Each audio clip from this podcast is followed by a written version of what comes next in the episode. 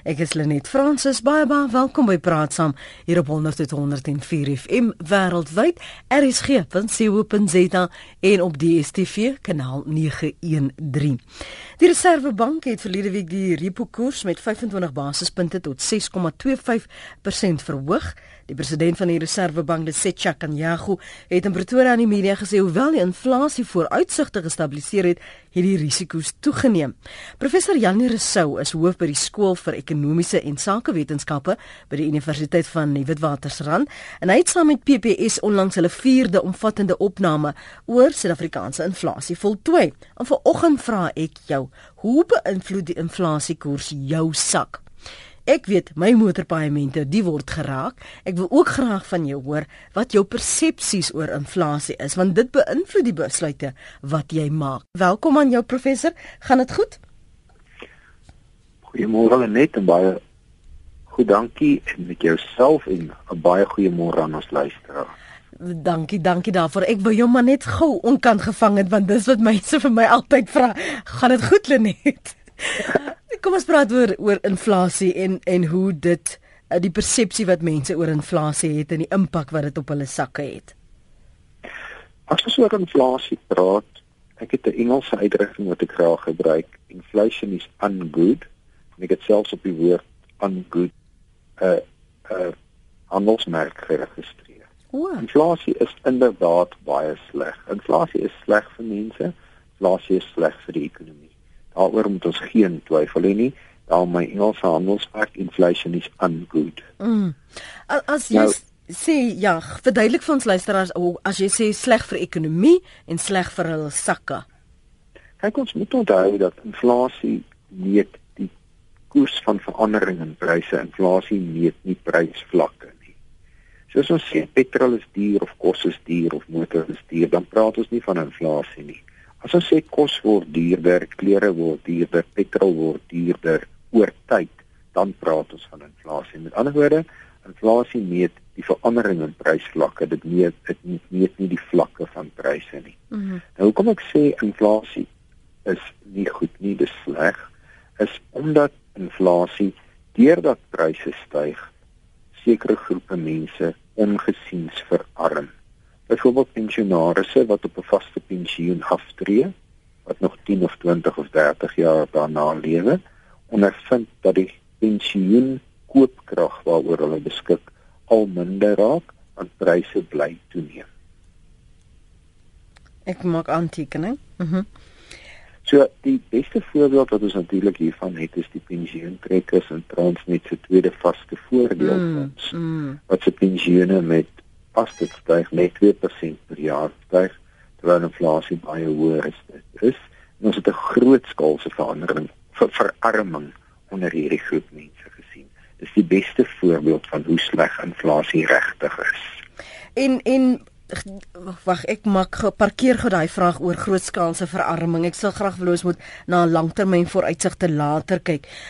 Ehm um, kan Jago gaan Jago het gepraat van daar is sekere risiko's ehm um, wat hy in gedagte moes hou hoewel die inflasie vooruitsigte gestabiliseer het. Na watter risiko's het hy hier verwys? Nee, gaan Jago het verwys na die risiko dat die inflasie koers bly styg en die Reservebank het 'n duidelike mandaat, naamlik om inflasie tussen 3 en 6% te hou. So as daar druk op pryse vorentoe gaan wees, byvoorbeeld weens die droogte wat voedselpryse vinniger gaan laat styg of weens 'n swakker rand wat ingevoerde pryse duurder maak, het die Reservebank die grondwetlike plig om seker te maak dat inflasie koers tussen 3 en 6% per jaar bly. Dit is interessant om op te let dat sedert 2002, dis die eerste jaar waarin die Reservebank die inflasieteiken moes bereik, tot pas in 2014 Suid-Afrika rond 'n inflasiekoers wat 5.8% per jaar is. Die Reservebank het inderdaad oor hierdie totale tydperk die teiken bereik, en daar was wel tye tussenin uh mhm. -huh. waarin die inflasiekoers hoër as 6% was en wat die Reservebank dan verplig was rentekoerse baie meer as net 25 basispunte te verhoog soos meneer Ganja onlangs aangekondig het. As hy dit sou want ons het al vroeër van jaar, ek dink in Junie of Julie iewers, het ons al klaar die verhoging gesien in die die uh, in die koers. As hy dit sou los tot volgende jaar byvoorbeeld, sou dit ons ekonomie uh, negatief beïnvloed? Kon ons bekostig om te wag tot volgende jaar? Dit is altyd die vraag enige groep mense wat jy sal vra sal daar sekere antwoorde wees wat sê nee, hy moet dit nou doen. Sekere mense sal self sê hy moet dit vroeër gedoen het. Sekere mense sal sê hy moet wag. Ons moet natuurlik onthou dat as rentekoerse verhoog, beteken dit nie net dat die rentekoerse op lenings die raak nie. Dit beteken natuurlik ook dat die depositokoerse van banke toeneem. Beteken natuurlik dan dat mense wat geld gespaar het en op hulle renteopbrengs lewe meer rente ontvangs het en dat hulle dus in 'n beter posisie is. Mm. Mense is baie uh, mense is natuurlik geneig daarna om te kyk dat hoër rentekoerse lei tot hoër koste vir lenings dit lei ook tot 'n beter bedeling vir diegene wat geld spaar.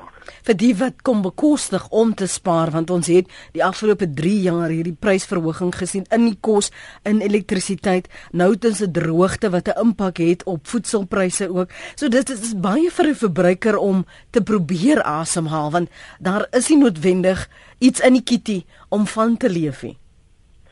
Net jy maak 'n baie geldige punt. Suid-Afrikaners is geneig om na hulle inkomste te lewe. Ons het 'n uitdrukking wat sê Suid-Afrikaners se uitgawes volg hulle inkomste. Suid-Afrikaners het ten diepste nie regtig gespaarkultuur soos wat ons in baie lande sien nie, maar Suid-Afrikaners se natuurlike reaksie daarop is alles is duur en daarom het ons nie kapasiteit om te spaar nie. Ons moet onthou daar's baie pensionaars wat spaargeld het waarop hulle probeer lewe en hulle sal in 'n beter posisie wees as uh, die positiewe styg. Kom ons gaan onmiddellik na die lyne toe. Willie is op die lyn en hy's in Britstown. Dankie vir die aanhou Willie môre. Môre kan jy my hoor? Ek kan ja. OK, my sy net baie goed in Britstown ek wil gou ehm um, net vir die professor vra wanneer ehm um, kyk inflasie nou hoër raak ehm um, en hulle probeer dit nou bietjie terugkry met die monetêre beleid is dit gewoonlik omdat omdat die ouens te veel geld het wat inflasie opraak so die vraag na produkte raak raak te hoog en dan styg die pryse. maar op hierdie stadium in Suid-Afrika is dit nie regtig die geval nie omdat ehm um, die pryse van goedere van vleis van alles styg as gevolg van in my opinie brandstof wat duurder raak ehm um, elektrisiteit wat duurder raak sodat dit kom alles terug na hoe, die staat se effek op produkte dit negatief beïnvloed dat die prys prys opgaan. Ehm um, want ek het um, byvoorbeeld nou regtig gesien van petrolpryse en ek praat nou oor korreksie sê nou maar in 2008 was die brandstofprys ek dink sê nou maar R7.50 maar op daai stadium was die wisselkoers en die Brent olieprys dieselfde as nou en ons betaal nou R13 so wat se invloed het byvoorbeeld deur die regering die petrolpryse ehm um, skus my Engels maar levies opsit uh mhm. -huh. op dan hoe kostes meer raak en hoe dit natuurlik in die hele ekonomie effek het OK. Ek gaan stil staan by dit dat ons daardie persepsie kan aanspreek en ook die redenasie. Professor Rousseau. Uh ja, uh William Britstaan se syn is glad nie so sleg nie. Nee, glad nie, ja. Ek het hom duidelik gehoor en uh William maak 'n geldige punt. Natuurlik is 'n deel van die uh, stygings in pryse 'n deel van die inflasiekoers toeskryfbaar aan administratiewe pryse soos byvoorbeeld die petrolprys. Daaroor is daar geen twyfel nie maar die Reservebank gebruik rentekoerse om alle forme van inflasie, naamlik kostedruk inflasie en vraaginflasie te beheer. Dit is nie altyd duidelik watter deel van die inflasiekoers is kostedruk inflasie en watter deel is vraaginflasie. Maar wil nie maak 'n baie geldige punt deur uit te wys dat ons natuurlik 'n kombinasie van die twee in Suid-Afrika ervaar. Hmm. Anton, waar is jy? Orkney. Môre Anton. Eh, ek is op Orkney ja. Ja. Ek, ek is boukontrakteur hier van. Ek het huise gebou in hierdie dorp wat ons verkoop het vir R23500. Daai selfe huise word nou verkoop vir R450000 na 40 jaar. Jo. Dis inflasie. Sê gou vir my uh, uh, iets anders wat jy wil byvoeg wil ek wil gou 'n vraag vra? Ja, ek luister vir Eh, sien jy in in die in die Orkney omgewing veral daar waar jy nou weet jy jou hand ehm uh, um, het daar die huise gebou dat mense nog daardie huise kan bekostig? Ja, o ja, nee nee, hulle hulle salaris het opgegaan, het tred gehou, maar hulle sukkel maar nog, jy koop nou nie meer die die groot huis nie, jy koop nou een wat bietjie kleiner is. Mhm. Mm en dan die ander interessante ding is dit in 83 was die rand dollar 1 vir 1. So vir elke rand wat jy op die tafel gesit het, het jy 1 dollar gekry. Mhm. Dankie vir die saamgesels Anton. Kom ek hoor. Dankie groete vir ja. jou ook. Sterk daarop ook nie. Ja. Kan ons ook praat oor die huispryse en en ook die die waarde van jou geld vir al mense wat dit kan nie kan bekostig om meer daardie verband te betaal nie, veral nou met hierdie uh uh verhoging in die inflasiekoers gaan dit daardie verbandspaaiemente, die raak motorpaaiemente ook. Kom ons praat 'n bietjie oor hoe dit die verkoper en kopers beïnvloed en die die siege en persepsies wat mense het sodra daar 'n aankondiging is daar's 'n inflasiekoers verhoging. Maar ek moet sê Anton gebruik 'n baie effektiewe voorbeeld daarin hoop nie van inflasie waar hy na self verwys wat hy self gebou het en uh, hoe die prys daarvan gestyg het maar uh, hulle net jy die baie geldige vraag gevra of mense se salarisse daarmee tred gehou het. Die interessante opmerking wat hulle maak oor die wisselkoers kan ons natuurlik 'n bietjie verder terugneem. In die middel 1970s kon 1 rand 1 dollar 50 koop En een van die vernaamste redes hoekom die rand op die oomblik net so wat 7 Amerikaanse sente kan koop, is die feit dat ons inflasiekoers in Suid-Afrika oor 40 jaar baie baie hoër was as die inflasiekoers in die VSA. Hulle inflasiekoers was rond 1%. Ons gemiddelde inflasiekoers oor die laaste 40 jaar was bo 10%. Ons moet net onthou dat as die inflasiekoers gemiddeld bo 10% is, verdubbel pryse elke 7.2 jaar. Ons natuurlike aanvoeling is om te dink dat elke 10 jaar verdubbel want inflasie is dan 10%. Want inflasie meet natuurlik elke jaar op 'n jaar basis. So dit beteken as iets R100 gekos het en inflasie koers is 10%, verdubbel dit na R200 en daarna verdubbel dit na R400. Ons vergeet heeltemal van R300 en daarna verdubbel dit na R800. So op hierdie eksponensiële wyse wat pryse dan in jou land baie vinniger styg as byvoorbeeld in die VSA, sal jou wisselkoers oor tyd waarde verloor teenoor die wisselkoers van 'n land waar inflasie meer stabiel is. Hmm. Etienne en Koos hou net van my aan asseblief. Uh, Moenie weggaan nie Koos, ons kom by jou, maak jou punt môre. Hallo, goeiemôre, Lenny. Ja, Koos. Ja, ek praat hier so uit ouer huis van die side. En ek wil graag net klem lê op die feit dat Ons bejaarde mense kan nie meer net hou met die hoë inflasiekoers nie. Ek praat nie van die gemiddelde koers van 4,7% wat uh, publiseer in die koerante nie, maar ek praat van die medies wat styg met 9.5%. Ek praat van die elektrisiteit wat opgaan met 12%. Ek praat van voedselpryse wat opgaan tot met 15% en dit is wat ons sak raak. Ons het nie meer geld in ons sak nie en ons lewe op 'n op 'n negatiewe netto besteedbare inkomste. En weet jy wat hulle net die regering lyk dit vir my wil wil nie steur aan ons nie dat ons verteenwoordig eintlik behoort ons 'n afsonderlike segment te wees. Ons ons hulle moet ons op 'n ander wyse hanteer mm. want ons kan nie meer ding met mense byvoorbeeld mm. wat 80000 rand 'n maand verdien mm. en dieselfde prys vir brood en melk betaal en selfs medies betaal nie. Ons kan nie met hulle meer meet nie, want ons is nie meer deel van die ekonomiese siklus nie. En dit is waar ons probleem lê. En dit is eintlik al wat ek weer met u wil deel. Ek wil net Ek hoop net daar is regeringsmense wat vanoggend inluister na my, want ons vra en pleit dat julle tog moet omsien na ons en dat julle ons tegemoet moet kom veral met ons mediese koste wat ons nie meer kan bekostig nie. Uh dit is my punt wat ek gemaak het. Al wat die regering nodig het is so 'n bietjie logistiek. Dankie Lenet. Baie dankie Koos. Ek dink Koos praat namens nie net 'n bejaardes nie, maar vele ander mense wat sukkel. Ja, uh professor, gaan voort. Lenet uh, Koos maak 'n baie geldige punt want dit is sodat die regering Statistiek Suid-Afrika 'n afsonderlike inflasiekoers vir pensionaarsse bereken. Want pensionaarsse bestedings se bestedingspatroon verskil van die van die algemene publiek. So afgesien van Suid-Afrika se algemene gemiddelde inflasiekoers is as so woord is algemeen gemiddeld, is daar ook 'n inflasiekoers wat vir pensionaarsse bereken word. So daar word erkenning gegee aan die feit dat pensionaarsse se kostestygings dit was anders lyk like as die van ander mense. Maar Koos maak 'n ander geldige vind wat uit die navorsing wat uh, ek saam met PPS gedoen het duidelik blyk uh, en dit is die feit dat mense prysstygings sien wat hoër is as die algemene inflasiekoers het tot gevolg dat mense se persepsie van inflasie is dat die syfers verlaag is. Die PPS navorsing het dit baie duidelik uitgewys. Ek doen dit elke kwartaal saam met PPS, is 'n baie lekker projek wat ek saam met PPS het. Ons is baie trots op die navorsingsresultate wat ons kry. Dit wys baie duidelik die baie ernstige probleem dat mense se persepsie van inflasie is heelwat hoër as die amptelike inflasiekoers wat gepubliseer word en Koos maak daardie punt baie duidelik.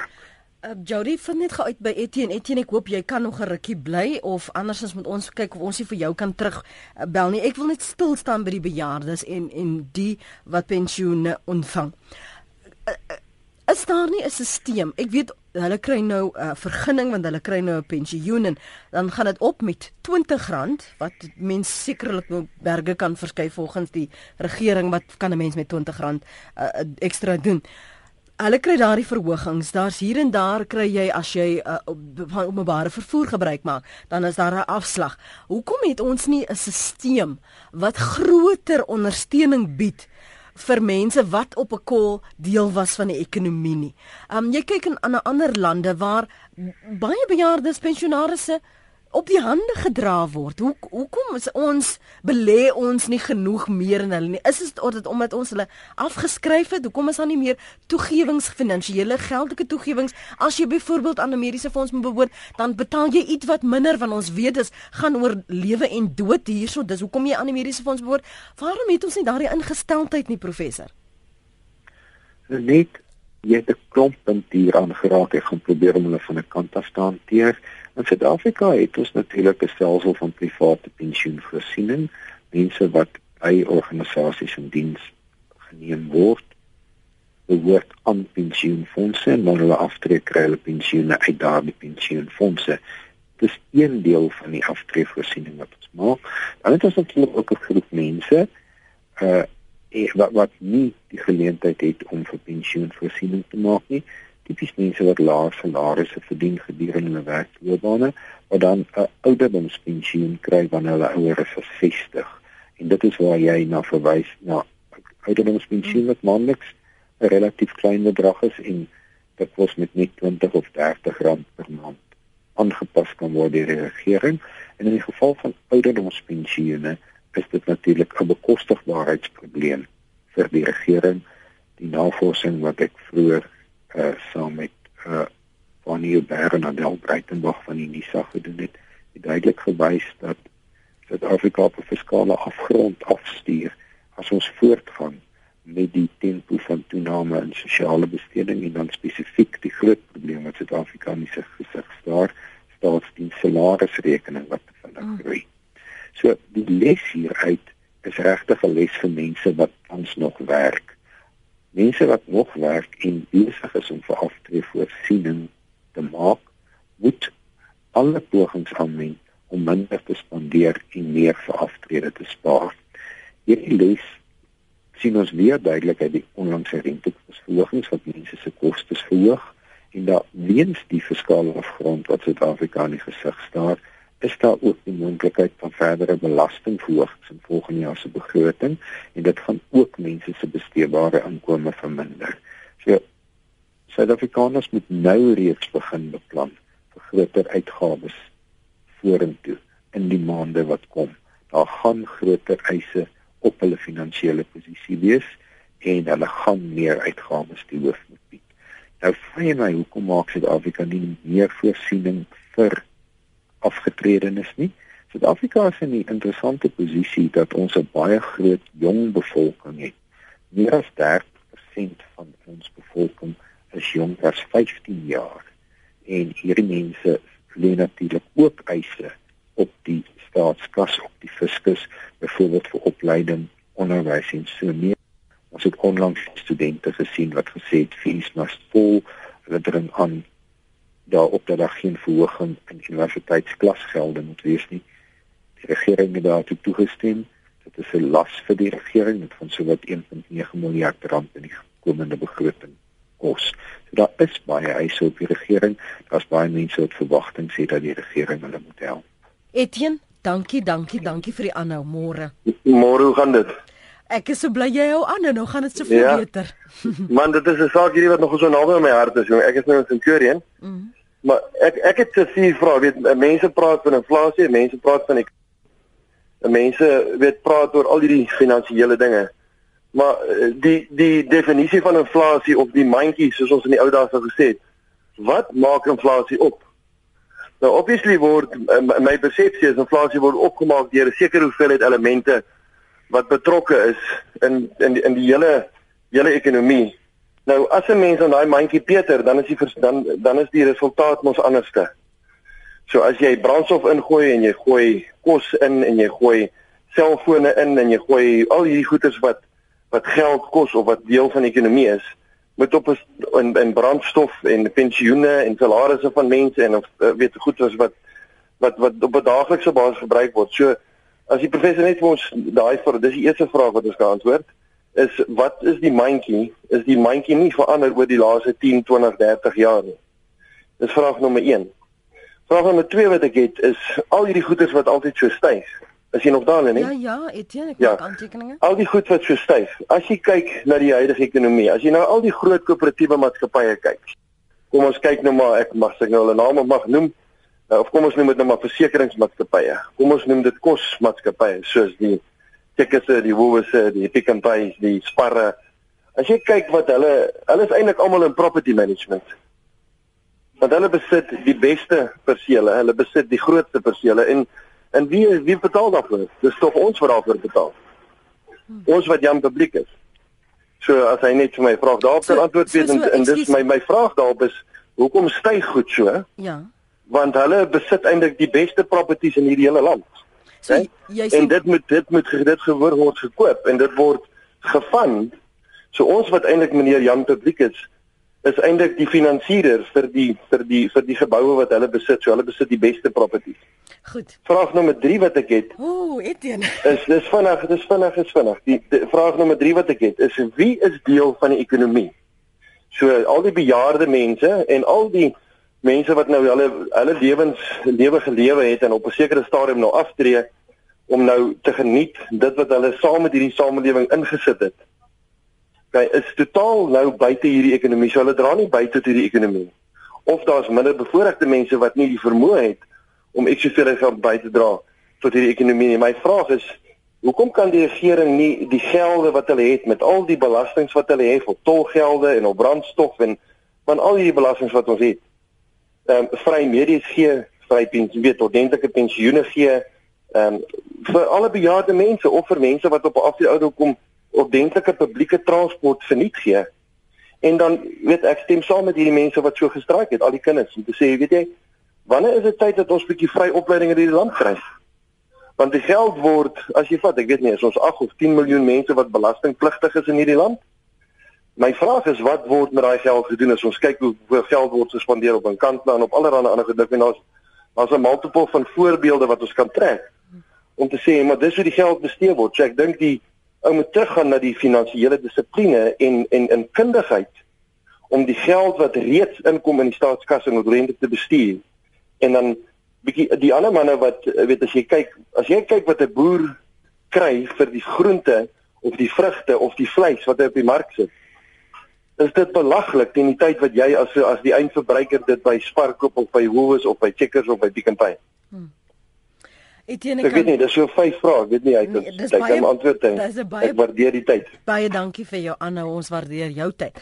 Dankie Etienne. Ek ek ek ek, ek kan vir jou nou sê en waarborg Etienne praat namens duisende ander wat ver oggend luister wat al ook al gewonder het en hierdie redenasie deel. So kom ons spandeer tyd aan die persepsie uh, oor die mandjie oor hoe hierdie ehm um, inflasie saamgestel word en die feit dat ons finansiering half aan hierdie um, groot winkelkettingwinkels gee omdat ons hulle moet onderhou omdat die pryse so duur is. Kom ons praat oor dit en ook die die persepsie. Ek dink jy het deels net nou daaraan geraak. Toe ons praat oor die die koste van vir die regering en waarom vrye medies uh, nie moontlik is nie al dan nie professor Rousseau Ja, ek teen raak natuurlik aan die hart van die navorsing wat ek saam met uh, PPS doen, naamlik die persepsie van inflasie en die vraagstuk rondom die mandjie.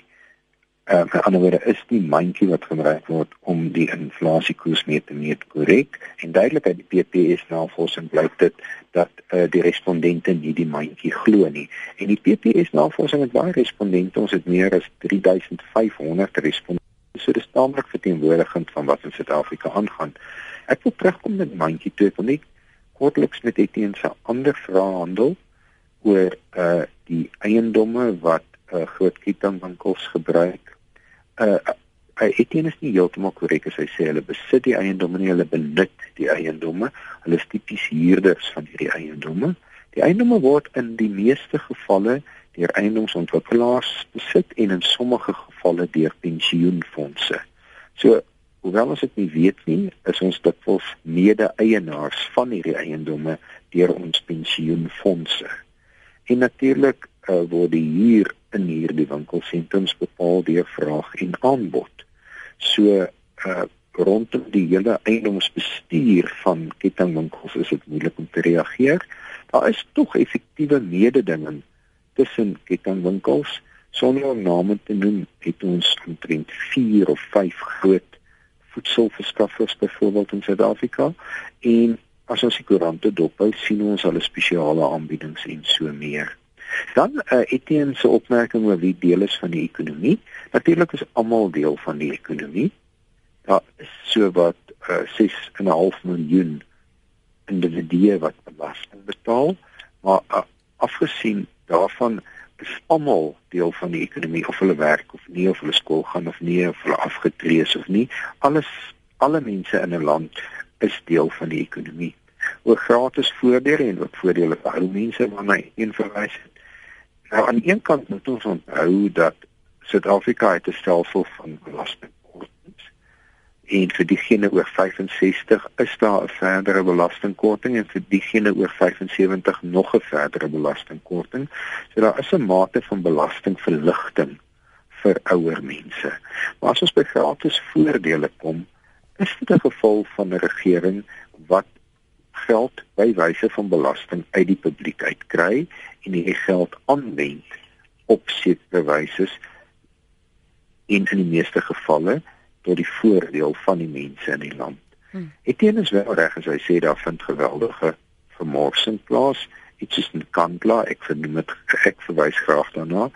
As die kasteel by Kandla is natuurlik absolute vermorsing en is natuurlik totaal ongeregverdig. Daar is geen basis waarop die besteding van belastinggeld op Kandla hoegenaamd ooit geregverdig kan word nie. Net so is dit totaal ongeregverdig om 'n nuwe presidensiële vliegtuig aan te koop. Dis totale vermorsing van belastingbetalers geld. Maar afgesien daarvan het die regering baie eise. Die regering betaal byna 14% van totale inkomste reeds aan sosiale bystand aan Suid-Afrikaners van ouderdomspensioene tot kinderpensioene. Op dieselfde wyse betaal die regering byna 45% van totale in, uh, belastinginkomste aan staatsdienssalarisse. Nou in die laaste geval moet ek sê, het die navorsing oor die fiskale afgrond daarop gewys dat die staatsdienssalarisse rekening gewoon net te hoog is. So die regering het baie eise. Die regering spandeer waarskynlik 200 miljard rand per jaar aan skoolopleiding van mense. So natuurlik sal die regering meer dinge vir meer mense wil doen. Om dit te kan doen, moet die regering herprioritiseer aan die een kant, nie 'n nuwe presidensiële vliegtuig aankoop nie byvoorbeeld, maar aan die ander kant moet die regering iewers geld vandaan kry en ons is maar almal onwillig om meer belasting te betaal. Maar ek wil by Etienne se belangrike vraag kom rondom die mandjie waarmee die inflasiekoers gemeet word. Die inflasiekoers word vir 'n gemiddelde huishouding in Suid-Afrika gemeet net. Nou moet ek sê as jy met jou voete in die oond en jou kop in die yskas is, is jy gemiddeld gemaklik. Hmm.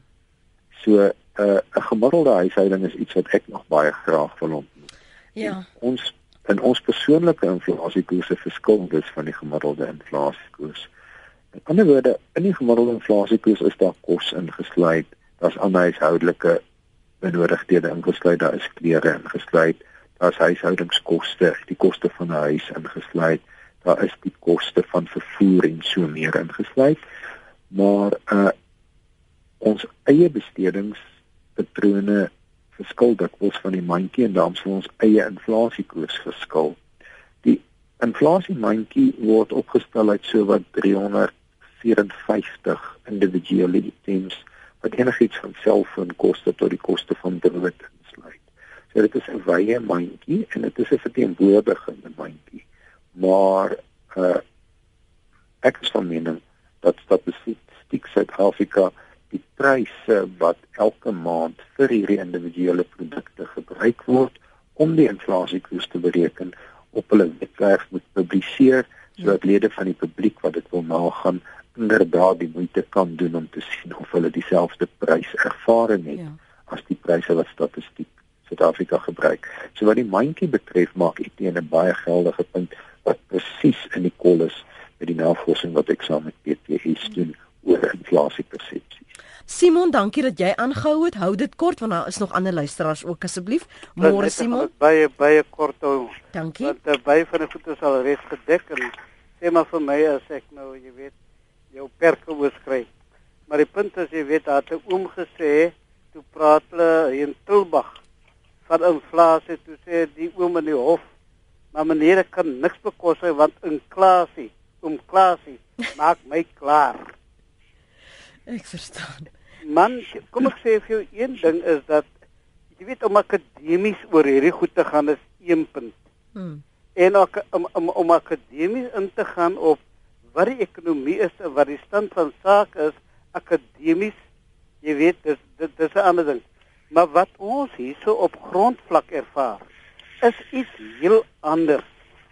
En ek gaan vir jou sê dat uh, en, en ek praat dit nie goed nie groot uh, grootste deel van ons probleme in terme van jy weet jou kriminaliteit het te maak met hierdie ding van die ekonomie wat ons maar nou afmaak net as sogenaamd armoede. En ehm um, ek wil eerlikwaar sê dat ehm um, dit uh, vir my blyk dit dat die rykes word ryker en die armes word armer. En uh, ons moet by 'n punt kom waar mense jy weet vir hulle arbeid wat hulle insit nie meer uitgebuit word op 'n baie subtiele wyse in dies meerie en waar mense gelyk jy weet betaal word vir wat hulle insit. Ehm um, ek gaan net vir jou sê dat uh, ek meen nou, ons is, ons is, ons is ons stel as 'n gesin om redelik te leef. As my kinders vir my vra as ons nou dit eet vanaand, wat doen die ander mense wat niks het nie. Ja. En jy weet in in in vir, vir my gaan dit jy weet dat ehm um, die wat het kry meer en wil meer hê. En die wat nie het nie, hulle moet soeg en sweet om vir die wat het meer te gee. En vir vir my is dit nog altyd die hele ding rondom kapitalisme. En tensy ons kan beweeg na ehm um, jy weet waar almal genoeg sal hê in hierdie land. Ek sê vir jou, stuur ons op 'n ramp af en ons kan doen dan misdaad wat ons wil en dis ek wil en ek hoop maar vir alles wat in in, in my dinge is, is as jy petrol steek en ek sê vir jou ek het 'n vermoede, ek het 'n aanvoeling hier voor Kersfees dat ek maar daai taal praat. Gaan goed weer steek en ek sê vir jou daar gaan kinders wees wat ons maar weer moet uh, weer moet na sien het in gesinne en dis meer. En iemand het nou die dag geskryf van die burger van hoe ons moet omsien na die armes. Ek is bekommerd daaroor dat um, ons is nie besig om om te sien na die armes nie. Ons is besig om 'n diaboliese stelsel te subsidieer. Goed, Simon, as waar ons dit eers vir moet laat van jou kant lank hou aan, môre lank. Hallo. Ja, ek luister. Môre, dankie vir jou geduld. Uh, uh goeiemôre Lenet en goeiemôre luisteraars. Ek bel omtrent die uh kwessie van uh die uitbuiting van die van die pensionaris. Ek wil jou 'n voorbeeld gee. Die inhoud van my huis se is gerassereer vir die vorige jaar 2013-2014. Die koste was R199 'n paar sent geweest. Hmm. Vir die jaar 2014 2015-2016 kry ek 'n rekening vir R402 etlike sent. Dis 'n verhoging van oor die 100%. Ek doen navraag omtrent oor die rede daartoe. Hulle sê dit is as gevolg van die power surges en die aantal eise wat hulle het as gevolg daarvan. Maar ja, is die die tarief verhoog. My siek my my vrou was siek in die hospitaal gewees en is sedertdien oorlede. Ek sê jammer.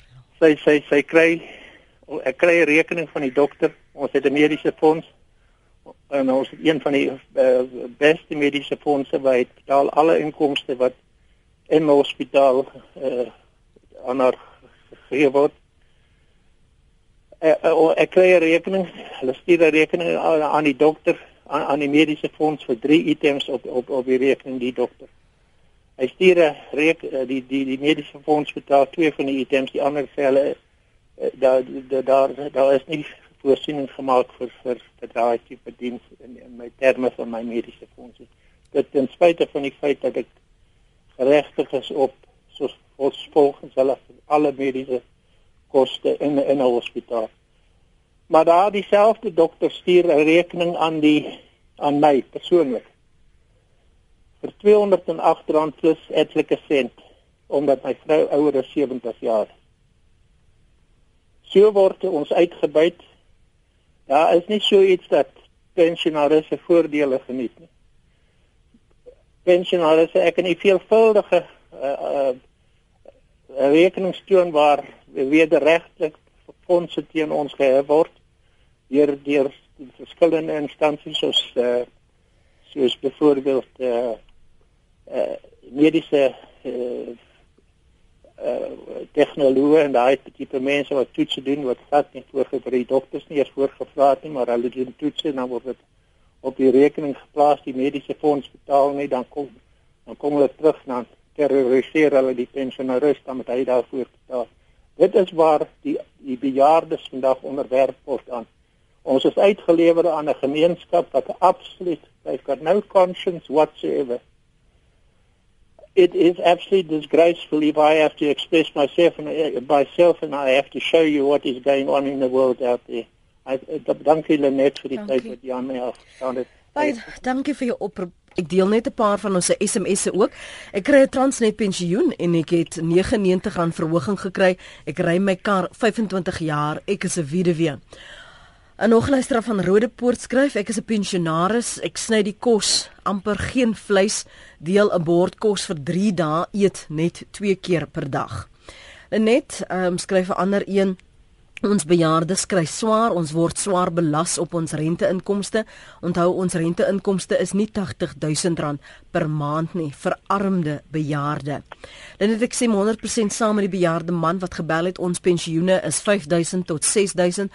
Ons betaal dieselfde verdienste as ons buurman wat R90000 per maand kry. Ehm um, dan skryf nog een die regering gee net vir mense pensioen soos hulle dit goed dink. My ma is al 77 jaar en Sassa weier haar ouderdomspensioen. Nou hoe nou?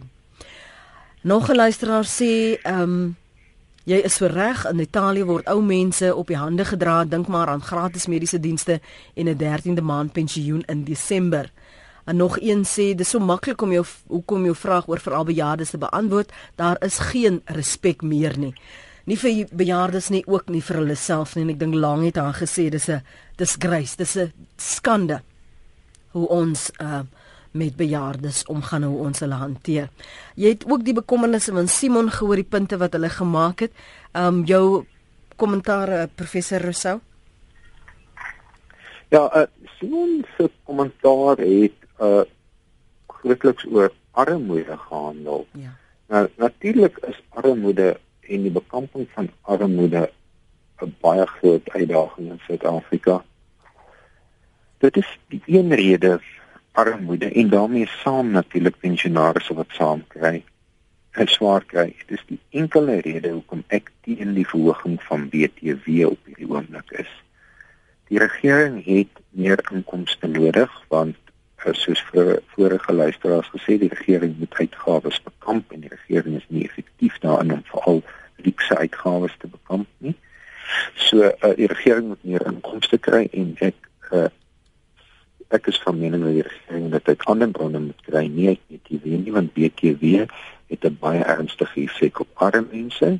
Dis armoede so Simon gesê het en ook op pensionaarsse spesifiek transnet pensionaarsse en so meer. So wie staan te wyd wat dit betref. Daar loop een manier waar die regering wel geld kan spaar is om net motors te koop wat in Suid-Afrika vervaardig is en ophou om ingevoerde motors te koop. Politici kan gerus ook maar in kleiner motors ry. Daar's geen rede hoekom hulle in sulke groot motors moet ry nie. So die regering het, moet ek regtig bevestig, nog steeds ruimte om geld te bespaar. Daar's net nie altyd daardie gewilligheid nie. Oor 'n uh, langse persoonlike omstandighede sonder al die feite is dit regtig vir my moeilik Nee, dis goed. Om daar te gee behalwe dat ek graag my simpatie met hom uitspreek. Ja. Dan oor die weiering van die ouderdomspensioene, het ek vinnig gekyk. Mense uh, kwalifiseer vir ouderdomspensioene in die mate wat hulle jaarlikse inkomste minder as R64680 is as hulle ongetroud is en op voorwaarde dat hulle minder as R930000 se bates. So daar is spesifieke voorwaardes waaraan mense moet voldoen om vir 'n ouderdomspensioen te kwalifiseer.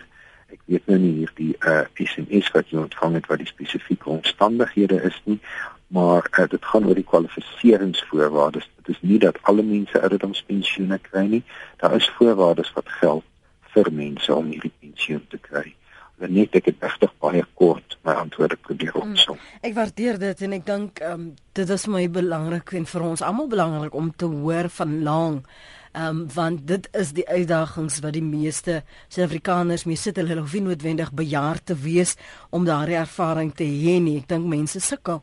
Ehm um, ek jy het net ou vroeër vanoggend gepraat oor grootskaalse verarming en ek wil net vir 'n oomblik daarby afsluit en en dan vir jou vra miskien vir diegene wat graag meer uh, wil inligting hê oor die navorsing en die opname wat jy sopas afgehandel het waar hulle dit in die hande kan kry. Maar die grootskaalse verarming veral met hierdie twee ren inflasiekoerse verhogings wat ons hierdie jaar gesien het. Hoe lyk 2016 dan vir Suid-Afrikaners professor Rousseau? Nou kortliks die navorsing wat ek saam met PPS genoem het in 'n media verklaring gerapporteer en dit is ook op die wit webwerf beskikbaar asook op PPS se webwerf. 2016 vir Suid-Afrikaners of van weer lae ekonomiese groei, ons ekonomiese groei gaan nie meer as uh, 1.5% wees nie. Dit beteken die belastingbasis van die regering gaan stadig groei. Die die regering die regering gaan dus uh nie uh vinnig meer inkomste kan vorder nie en daarom onder druk wees om aan die een kant deur verdere besuinigings en besparings te probeer om minder geld uit te gee en aan die ander kant belastings verhoog op daardie wyse te probeer om meer inkomste te kry saam met hoë rentekoerse saam met stygende inflasie gaan dit Suid-Afrikaanse verbruikers onder druk bly hou mense sal regtig moet kyk of hulle nog ruimte het om te bespaar. Baie baie dankie vir jou tyd vanoggend. Dankie vir jou geduld. Dankie vir die praktiese voetsoelvlak benadering dat ons almal deel kan wees van hierdie gesprek vanoggend professor Janie Rousseau. Ek waardeer jou tyd. Baie dankie Lenet en dankie aan ons luisteraars en ook aan diegene wat deelgeneem het. Dit was professor Janie Rousseau, hy is hoof by die skool vir ekonomiese en sakewetenskappe by die Universiteit van die Witwatersrand. Hy het saam met PPS onlangs hulle vierde omvattende opname oor Suid-Afrikaanse inflasie voltooi. Uh, soos hy gesê het, jy kan dit op Wit se webblad of op PPS se webblad sien indien jy uh, meer um, verder wil lees oor die opname wat hulle gedoen het. Dis ongelukkig waar ons dit vereers vir nou moet laat, maar ek dink ehm um, vorentoe voor 2016 gaan ek en Jody probeer om ten minste van hierdie aspekte wat jy aangeraak het vanoggend 'n opvolgprogramme te doen, al is dit ook net kortliks net daarna te verwys, ehm um, sodat jy weet waarvoor jy jou inlaat, voordat jy weet wat die realistiese verwagtinge moet wees, die beplanning wat nodig is vir 2016. Dit is hartseer as um, om oproepe soos lank te ontvang en en te weet dat daar derduisende Suid-Afrikaners is wat in alle waarskynlikheid in dieselfde bootjie sit.